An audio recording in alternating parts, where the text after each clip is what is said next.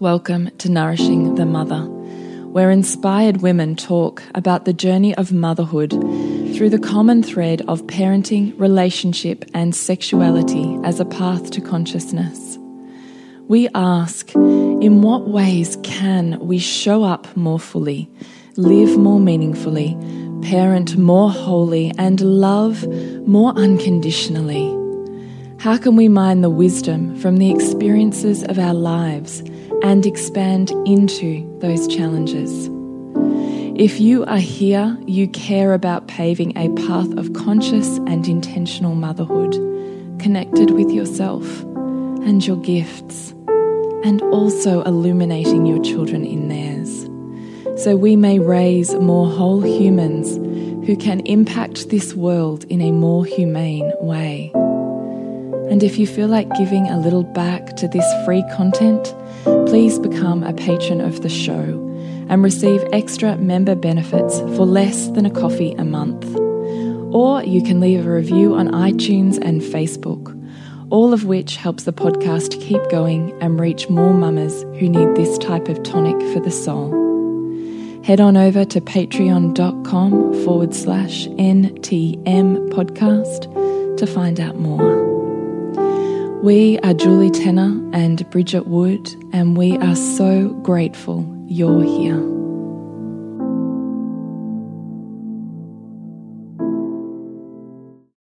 Hello, and welcome to Nourishing the Mother. I'm Bridget Wood.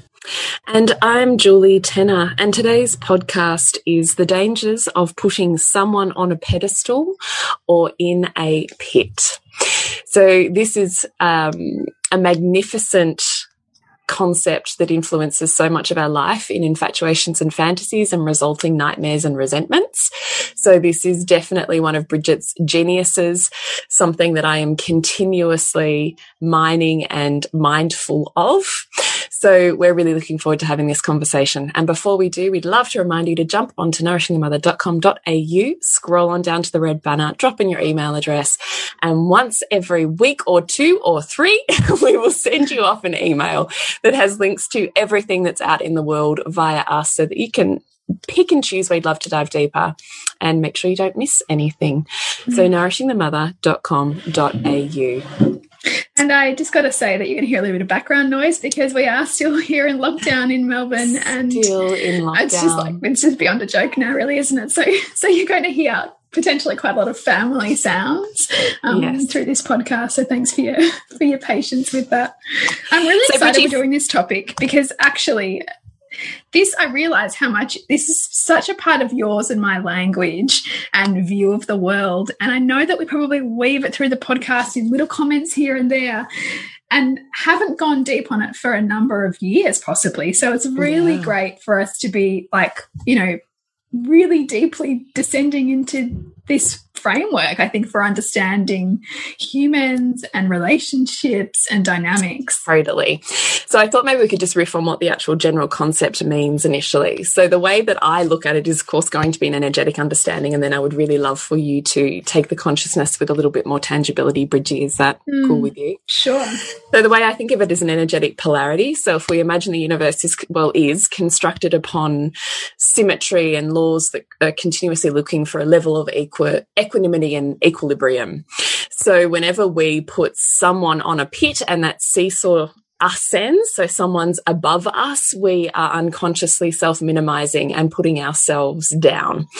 Now so, that's so, yeah, only so, so, when they're up. So when they're up on the pedestal. So when they're up on the pedestal, yeah. we're down. We may not have put ourselves in a pit. We may not think, but in relation to how high they are, and we've put them or their traits above us, we are lower than. Mm. Which universally our psyche nor our soul nor the universal construction of energy will, will maintain or manage particularly long before it needs to, to try and come back to some level of homeostasis in which case we will seek unconsciously to manifest circumstances in which if we don't consciously remove that person off of the pedestal we will take them down and it will turn mm. into resentment so what we loved and adored so hardcore to, for such a um, almost like blinkers or blinders on, we will then flip and almost experience the resulting nightmare of that. Conversely, if we put someone else into a pit, we raise ourselves above them. So we start to experience pride or self righteousness because we've put this person down below us now. So we've minimized the other and put ourselves above. And again, not sustainable. So we will seek to bring ourselves down. If you've put, let's say, I'll talk about, you know, me as the mother wound. If I've put my mother down in the pit for so long, all of a sudden in my own parenting that I'm quite self righteous about, I will become my mother and I will instantaneously again remove myself off of the pit and we begin to, to create a level of sameness. I'm just like mm -hmm. my mother. Mm -hmm. And we start to, to have these huge ups and downs psychologically and emotionally because we're not self regulating in some form of, of um, more of an equal symmetry. Do you want to add anything to that? Beautiful. I thought that was an excellent um, oh, description.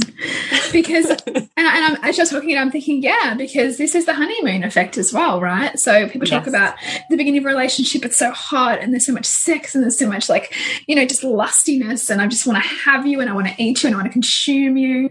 You know, that's yeah. infatuation. And that, that also happens with babies, right? So when we see a newborn baby and they're so beautiful and you just want to like cuddle them all the time and eat them and then you hit toddlerhood toddlerhood. And toddlerhood is designed to break your infatuation because infatuation is not true love. It's mm. one sided. And so, and the same thing happens, you know, if you don't understand this, you'll move from relationship to relationship to continue to seek the same feeling that you got when you're infatuated.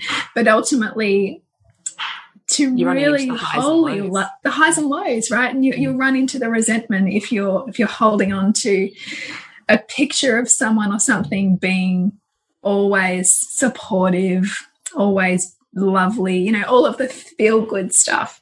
Mm -hmm. And so nature so perfectly designs it so that we will um, have some kind of experience in which we will perceive the other side in order to break our one sided view of something. And so I often, you know, when I'm working with clients, I often like to track back and go, okay, so if you're feeling like that about this person right now, well, what kind of fantasy did you have on them to be this particular way? So in the in the in the in the scheme of, you know, a mother-in-law who you deeply resent, did you have a particular fantasy about what how supportive she might have been when you had children, or how much she might help your family when um you know when you were moving home, for example, and and that if you had a fantasy on on a particular person to provide something then the, you're going to face an equilibrating nightmare in order to take that person off you know out of this one-sided world and see the other side which is ultimately also functional for us to see more of ourselves i whenever i'm like get resentful perhaps to my husband I often like turn the mirror back and go, fuck, like I'm super resentful to him right now. So what's that really meaning about me? Like, where am I really finding it hard to accept that trait that I'm seeing in him in myself right now because I'm only running into it. And where do I have a fantasy of, of being or him being the opposite? So yeah. it can be either, right? So we can be resentful on someone who's expressing a trait that we ourselves are unconscious of, though we will be expressing it. Yeah. Right. And, and, yeah. That, and that's the hardest thing to run into, particularly if you have like a real attachment to your identity as being a particular way. So, you know, the, if you if you think that you're this amazing, conscious, spacious parent who doesn't get angry, then and you're denying those the, denying any part of you that's not that, then there'll be somebody in your world to have who, who, represents all the things that you're pushing down and you'll keep running into them. So maybe it's your partner who you perceive parents totally different to you. Maybe it's your mother or your mother-in-law who or who you think is disrespectful to your child for example because somebody has to play the role of the disowned parts that you're not willing to own or accept. Mm. Because the truth is, on this plane, we tend to run in um, a dualistic version of self and other, right? Whereas from the spiritual mm. plane, we're looking at all is one, all is source, and the uh, the space of non um, non separation and non attachment. So whichever you're running, pedestal or pit, you're creating a separation and a division, and you're putting either self or other higher or lower, minimizing self or other, or you know putting above self or other. So whenever mm. that is happening, in, in there's an instability there and a greater degree of separateness, which is going to try and have the equal polarity pull to bring you back into to sameness mm. and, and wholeness. Would you say as well? Yeah, and then I'm as just saying, I'm thinking about how much I love you. I love how you weave this energetically because I've actually just chosen to jump into your amazing embark. I know. I'm so excited that I'm, you did. Oh, I'm so excited because I, I, I witnessed this like energetic mastery within you, which actually recognizes your capacity in, in an embodied way to actually shift the polarity with your own energy. Like I see how you do this, and it's an art form. Like I can I can map things consciously, but to see the the artfulness with which you can do that um, with your energy, I think is profound. And so I'm super excited to like, to like soak it in. because I really want I want to deepen my capacity to work with this and I think you know anybody who is a practitioner who works with women or who who really wants to embody this on a deeper felt sense for themselves I mean I think it's just mm. such a a beautiful offering to um, thank you you know descend into this environment of of, of deep learning and yeah. uncovering and depth, like yeah. fucking depth.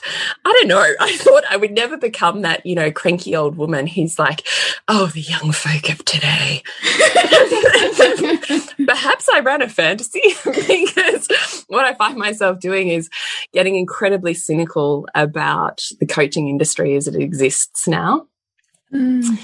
Because I have such a reverence for the space and capacity that we have as gatekeepers and healers to the underworld, to the feminine, to women. And I know that women are the keepers of life energy.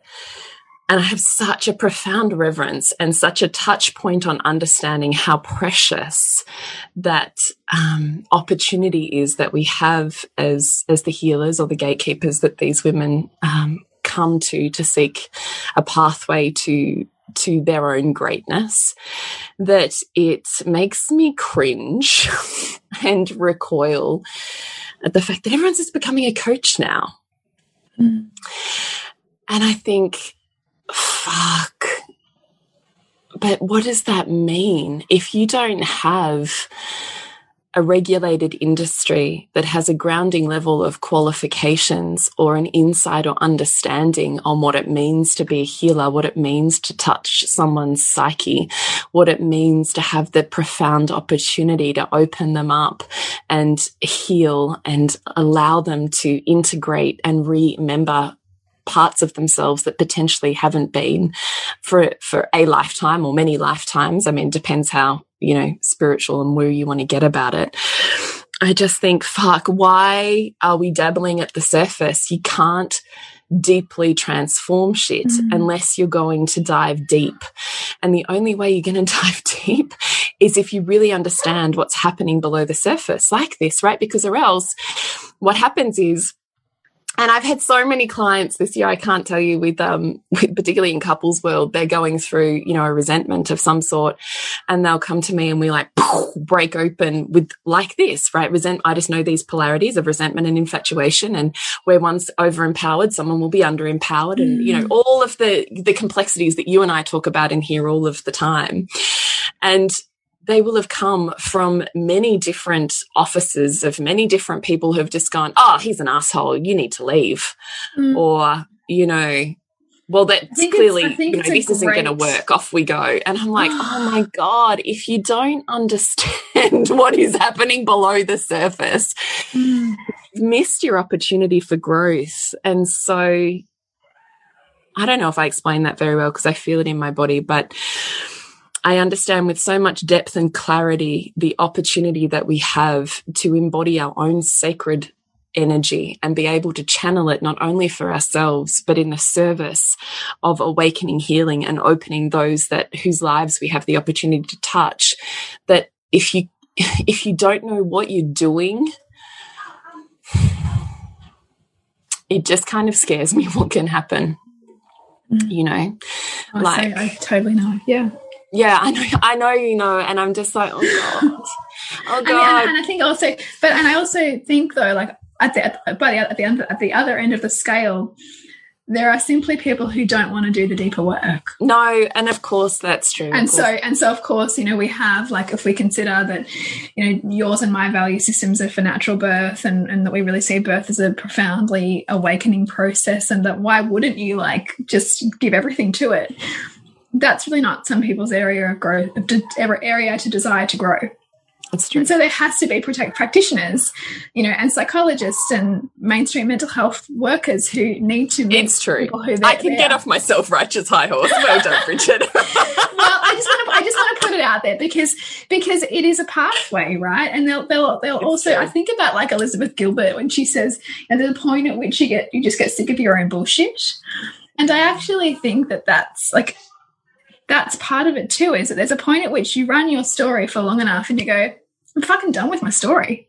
Yeah. So somebody help me bust my fucking story. Yeah. yeah. And that is the work that you do and that we seek to do. It is both 100%. with both, you know, with your clients and with yourself, right? But yeah. this human behavior is so patterned that we that we create stories, but ultimately any memory is not whole.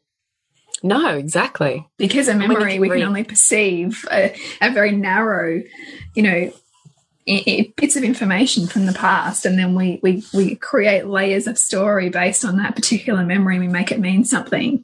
And then if there's hurt and pain there then we layer upon layer upon layer upon it and then we make somebody else wrong because it's easier to make somebody else wrong than actually like feel into what that is.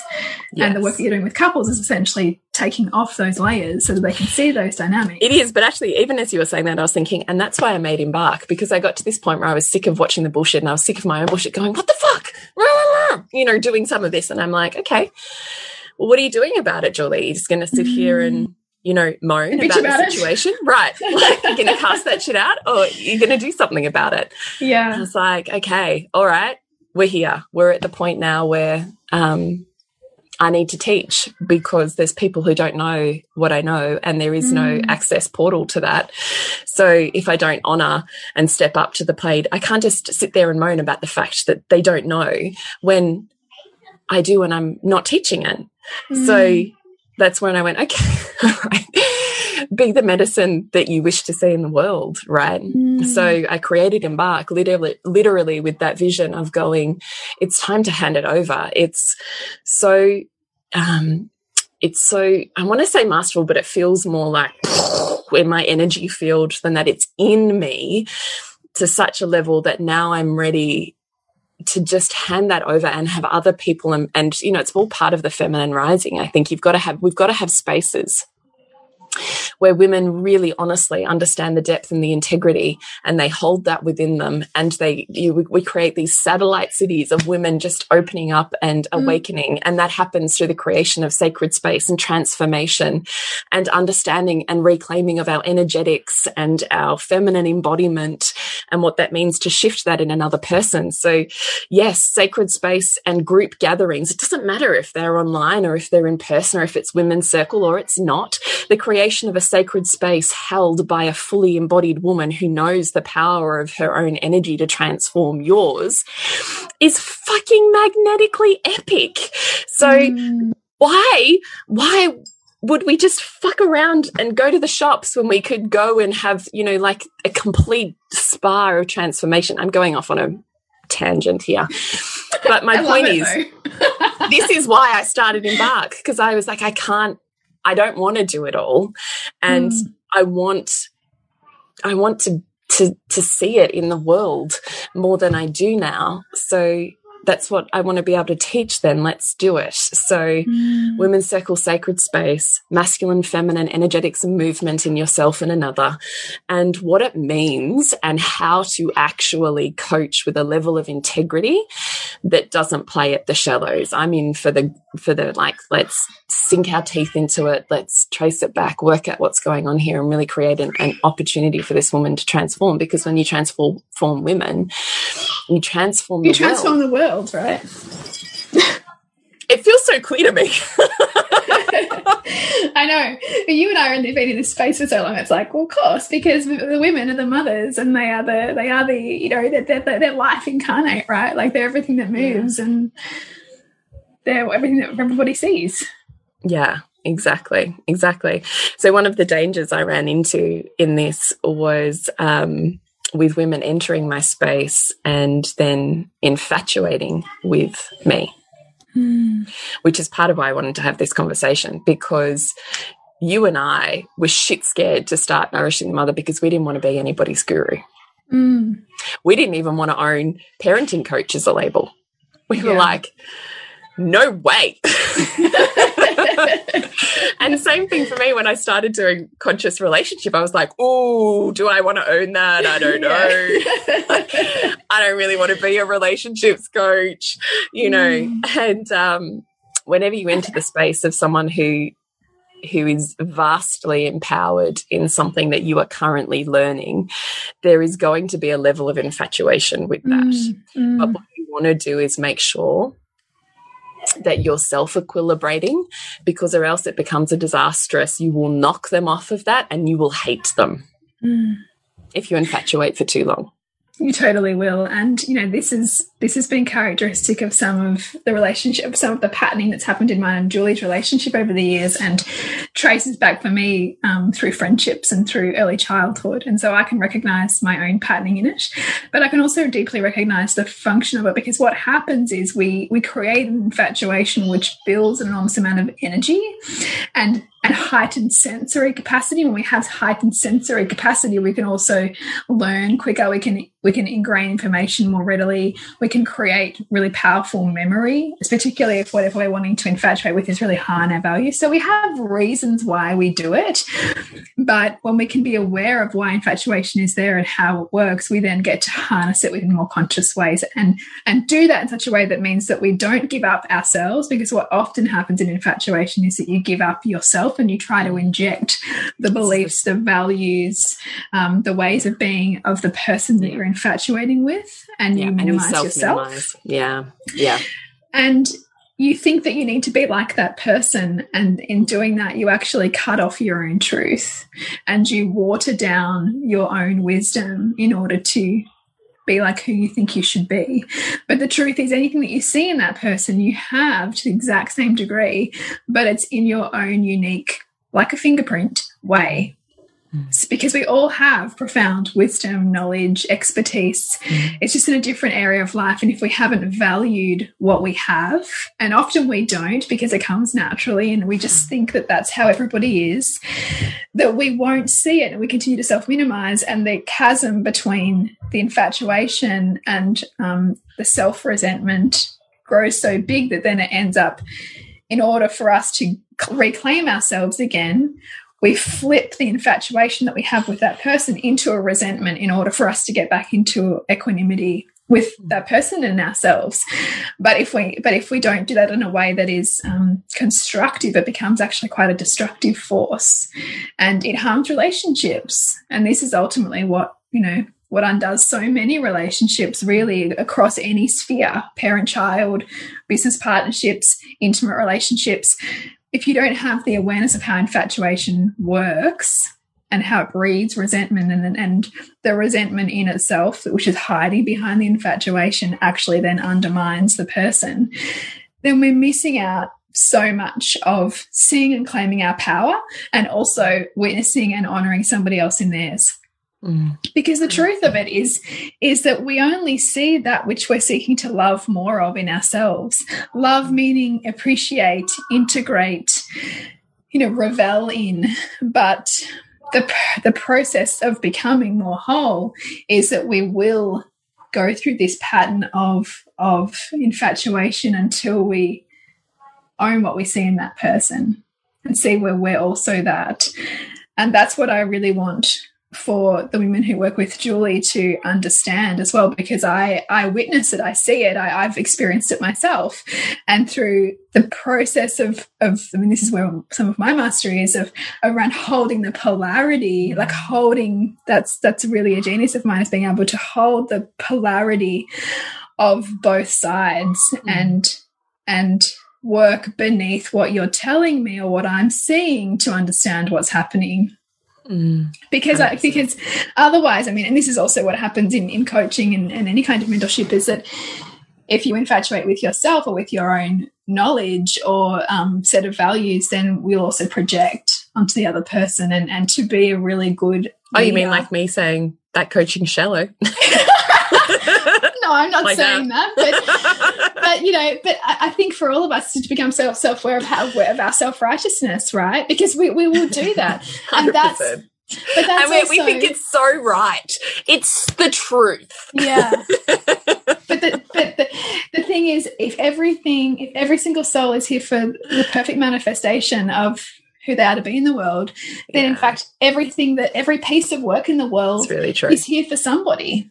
It's not we're, we're not choosing it, and we can see that we can see how um, some what we talked about, like some of the mainstream psychology can keep people wrapped in their stories and mm. people not seeing the whole. But it's also about the development of the develop the development of human consciousness and how the fact that it is a spectrum and that that some of us can access more, more of, of, it in some areas of life and, and others can access it but more in other areas of life and everybody is here for the healing and the contribution to the whole essentially yeah, but why I think it's why I think it's really valuable to understand how this works is that when you can do that as a as any kind of leader or coach or mentor or mm. professional is to understand the intersection between what you value and how you're perceiving mm. this person and who they are and yeah. what their story is and their values totally because if because and, and particularly if and and if and also if, if you are a point of someone's infatuation then you become very, very powerful. I know. It's kind of and, terrifying and, and, in a lot of ways, yeah. isn't it? Do you want to talk yeah. about that? Because that I think is something something that people need to understand. That comes with responsibility. It comes with enormous responsibility. I have, I think, I, I mean, I think I've spent numerous conversations with you on this, particularly this year. Is particularly with couples, is the level of responsibility um, even on one-on-one coaching that I have felt with that, that when you become part of the process that has broken someone open in an expansive way and all of a sudden they have this cataclysmic kind of you know gamma burst recalibration of who they are there can begin to be oh my god this kind of savior complex type of type of thing right yeah. which we see throughout the world in in a number of different forms and I'm always extremely cautious when I see that, that I make sure that I equilibrate myself for them. mm. Because the responsibility that you have in those moments is a, it actually feels for me more intense than what it feels for me balancing my children's life in my hands. You know how you have that feeling mm. sometimes that the preciousness that you hold and the responsibility of life sometimes feels too immense for one human to have. Mm. And I think I, you get glimpses of that with parenting where you realize life or death in, in so many ways hinges on my hand. Mm. And I feel that responsibility in coaching when I watch people completely recalibrate in front of my eyes. I mean, it's the philosopher's stone. It's really the most extraordinary experience watching someone totally transform in front of you and then watching the ripples as that moves out from their life is extraordinary. And I feel a profound gift with that. But with great power comes great responsibility. And if you don't wield that power appropriately, and we know, we know how humans have, you know, perverted power. Mm. I think mm. it's an unconscious shadow manipulation that you need to be conscious of in your in your own humanity. I'm I don't know if I'm explaining this very well, but I have sat with this very profoundly because I know at certain points, I whatever I say that person would do. That's mm. what the mm. infatuation can be. Mm. And I'm exceptionally careful with those moments because that life is not mine to play with. Mm. And that life is for someone else, for that person to own and rule and claim and be in.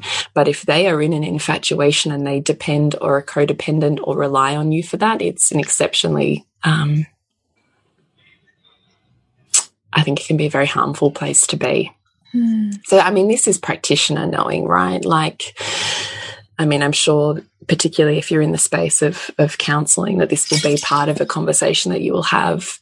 But even with that, I wonder if we lose touch sometimes with the level of responsibility that's there. So and because I don't want anyone self minimizing around me either, like the women that I'm, that I work with, the women that I have in Embark, I fucking want them to rule the world. I want them to be magnificent out there.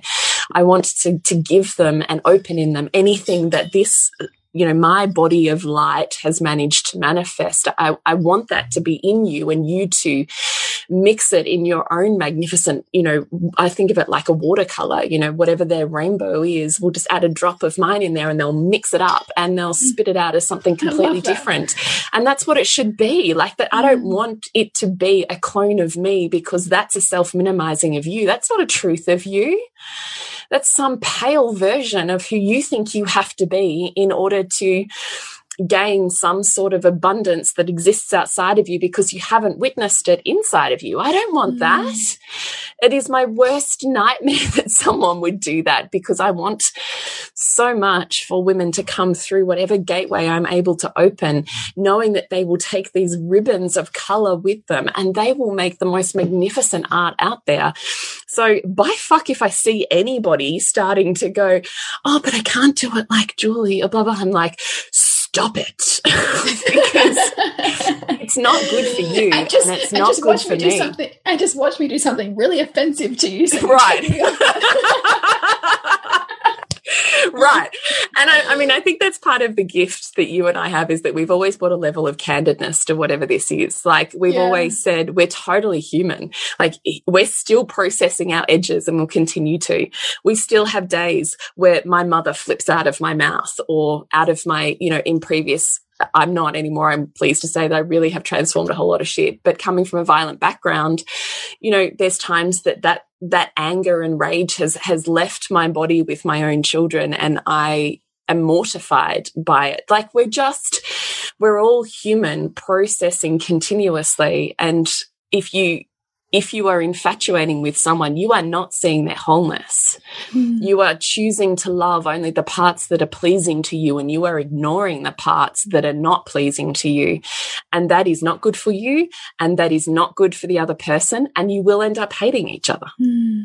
And this is, I think this is really important to say to in parenting as well, is that when you consume the level of parenting, um, you know, teaching that you and I have over the years, it's very, very easy to um, to believe that you can be some kind of more evolved human that doesn't yeah. have the full like gamut of human experiences yeah. and i think that like that's that's dangerous because i, I think you've fallen off your own pedestal yeah yeah like because because if you inject this kind of like constantly calm zen version of perfectly yeah. spoken parent yeah. who never raises her voice and who always has time to play and who has a perfect house and whose relationship is effortless all of the time you know if if that's what you're filling your world with then any any glimpse of any truth of reality is going to sting.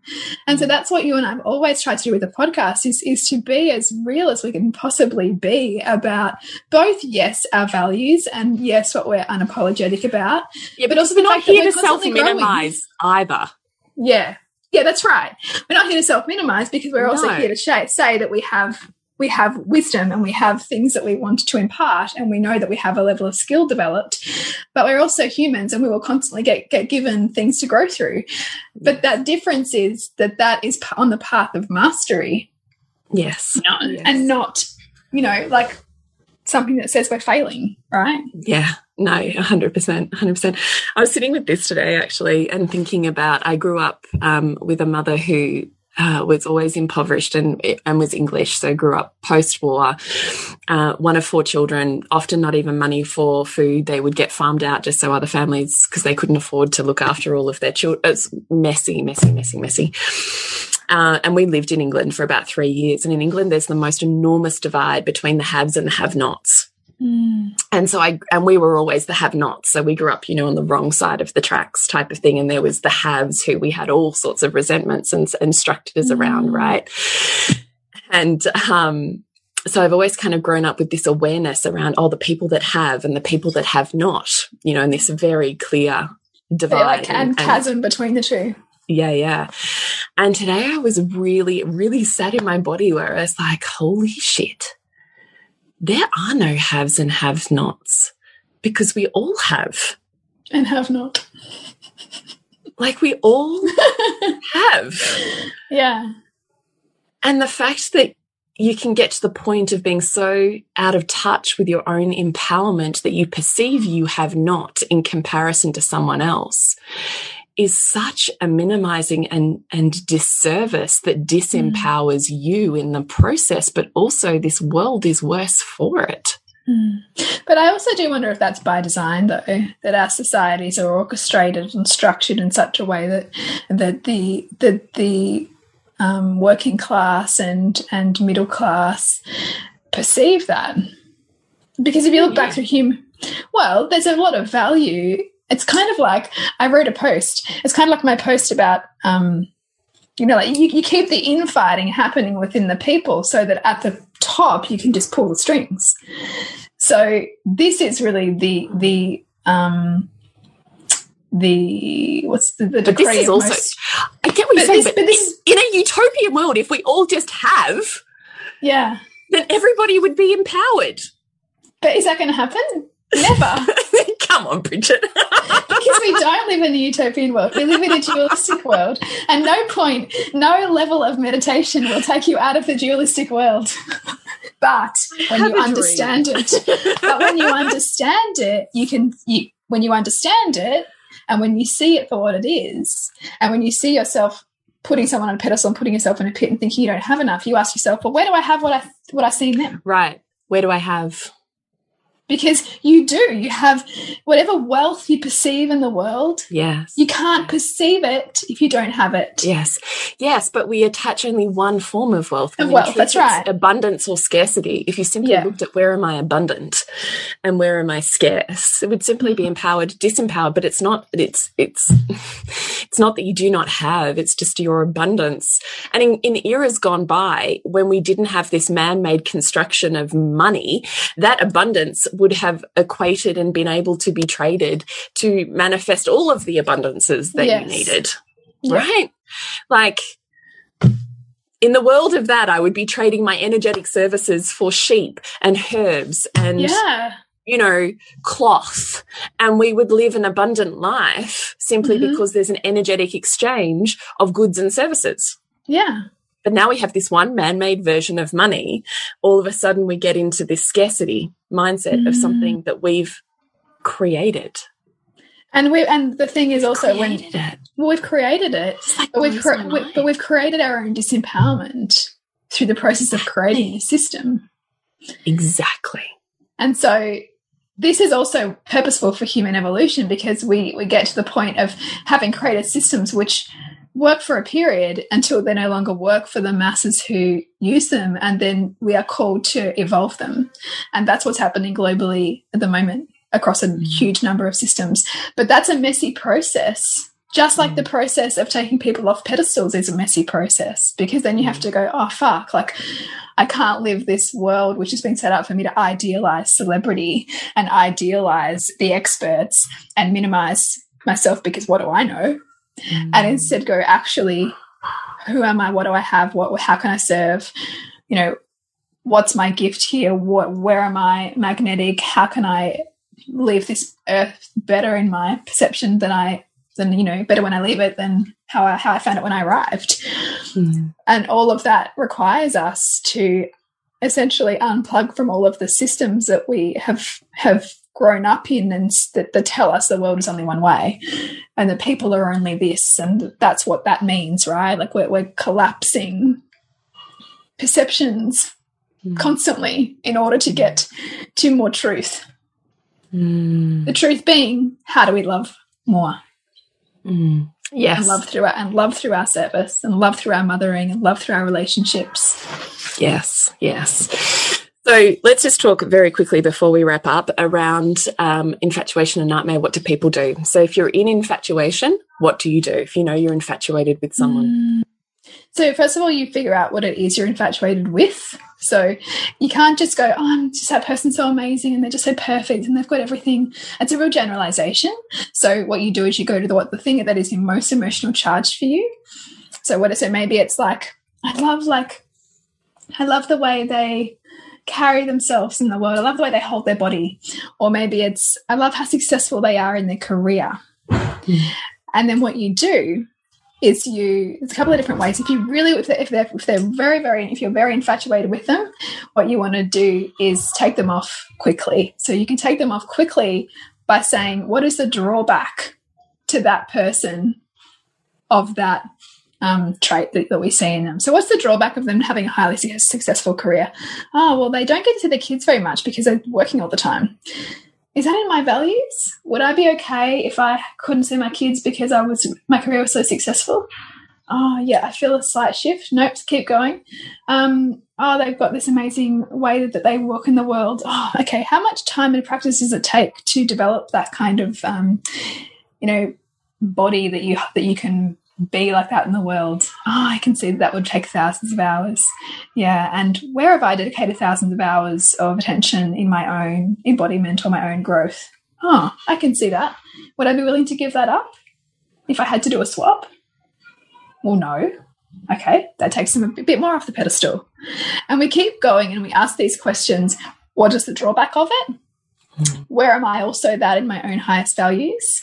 To the point where we've taken them off the pedestal and we can now put them in our heart and see that they are merely a reflection of us. And they're there for us to help ourselves see our light, see more of ourselves.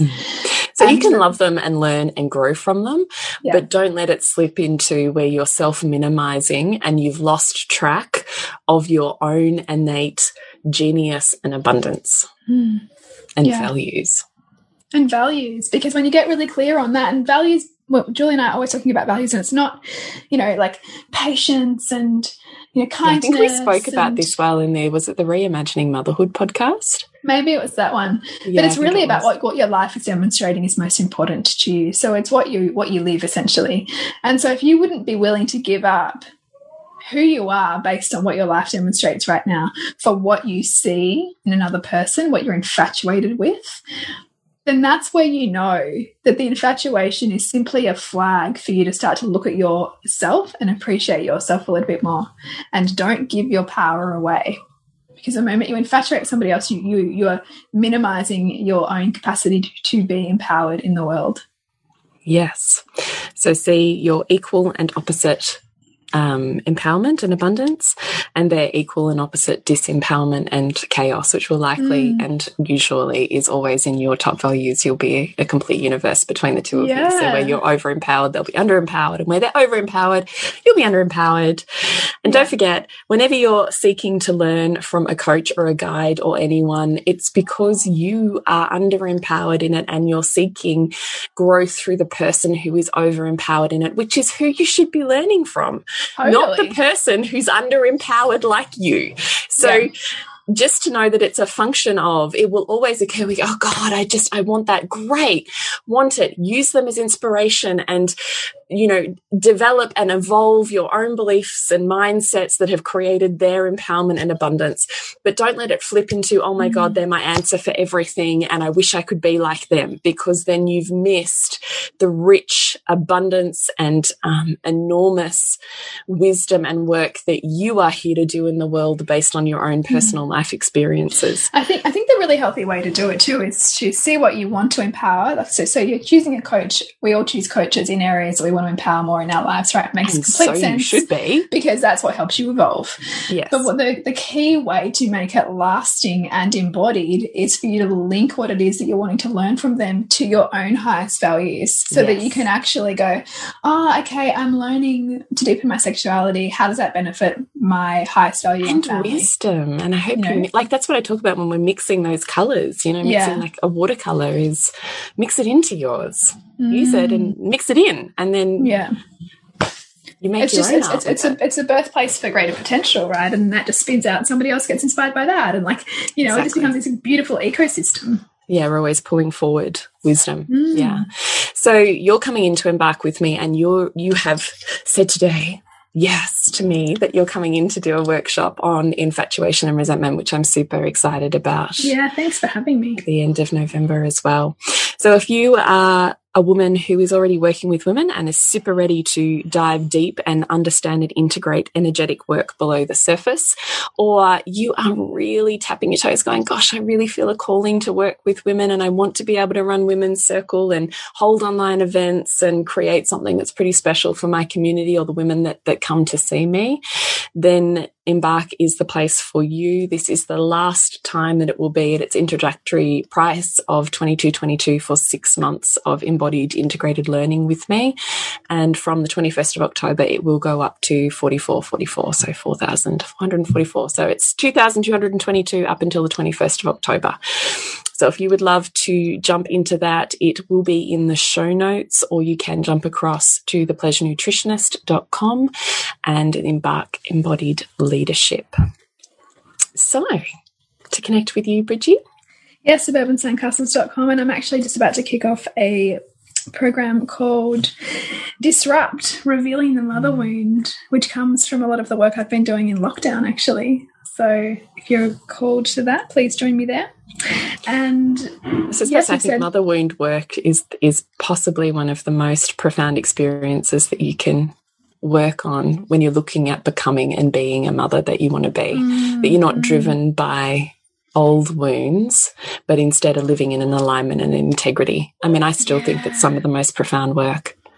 Me too, and I think also, particularly um, if you have like a perfect mother story, that actually there's just as much wounding in that, which is something that you and I have, you know, unearthed more and mm. more lately.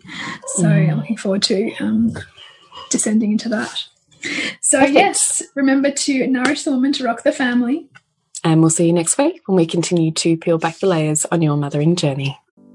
And if you want to support Nourishing the Mother and all the late nights, the early mornings, the blood, sweat, and tears we pour into our art, then please go to patreon.com forward slash NTM podcast and become our patron. As a patron, you're helping all of the cost of operating this podcast, the hosting, the editing, the transcription, helping all of that be completely covered, and joining a community who are all about honouring our journeys and continuing to open. The more support we have, the longer we can last. So become a patron. We'd love to have you. Go to patreon.com forward slash NTM podcast. We literally couldn't do this without you. Thank you so much for listening, and please share this podcast with anyone you think it would be medicine for.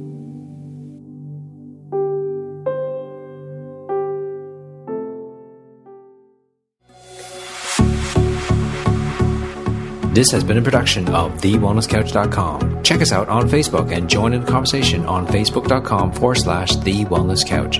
Subscribe to each show on iTunes and check us out on Twitter. The Wellness Couch, streaming wellness into your lives.